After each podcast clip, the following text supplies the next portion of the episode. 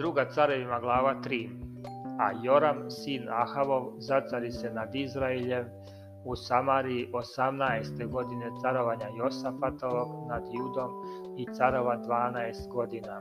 I činjaše što je zlo pred gospodom, ali ne kao otac njegov i kao mati njegova, jer obori lik valov koji beše načinio otac njegov, ali ostao u gresima Jerovoama, sina Navatog kojima navede na greh Izraelja i ne odstupi od njih.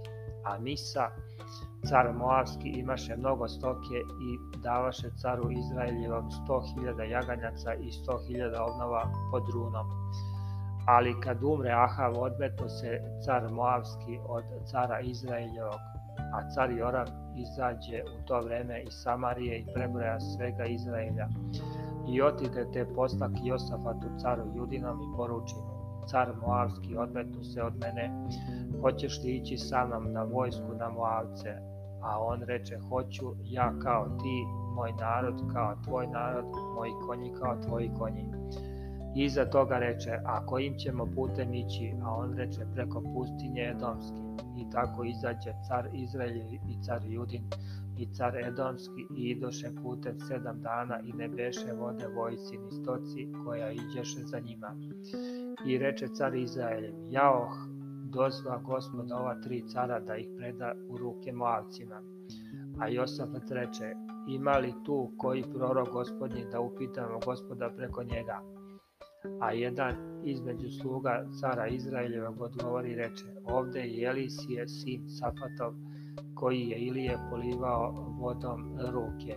Tada reče Josafatu, u njega je reč gospodnja i otidaše njemu car Izraeljevi i Josafat i car Edomski. A Elisije reče caru Izraeljevom, šta je meni do tebe? Idi ka prorocima oca svog i ka prorocima matere svoje, a car Izrael rečeno, ne, jer gospod dozva ova tri cara da ih preda u ruke Moavcima.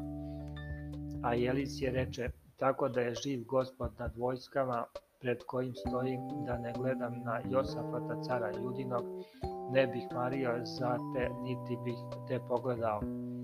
Nego sada dovedite mi gudača, a kad gudač guđaše, dođe ruka gospodja nadalje i reče, ovako veli gospod, načinite po ovoj dolini mnogo jama, jer ovako veli gospod, nećete osetiti vetra, niti ćete videti dažda, ali će se dolina ova napuniti vode, te ćete piti i vi i ljudi vaši i stoka vaša.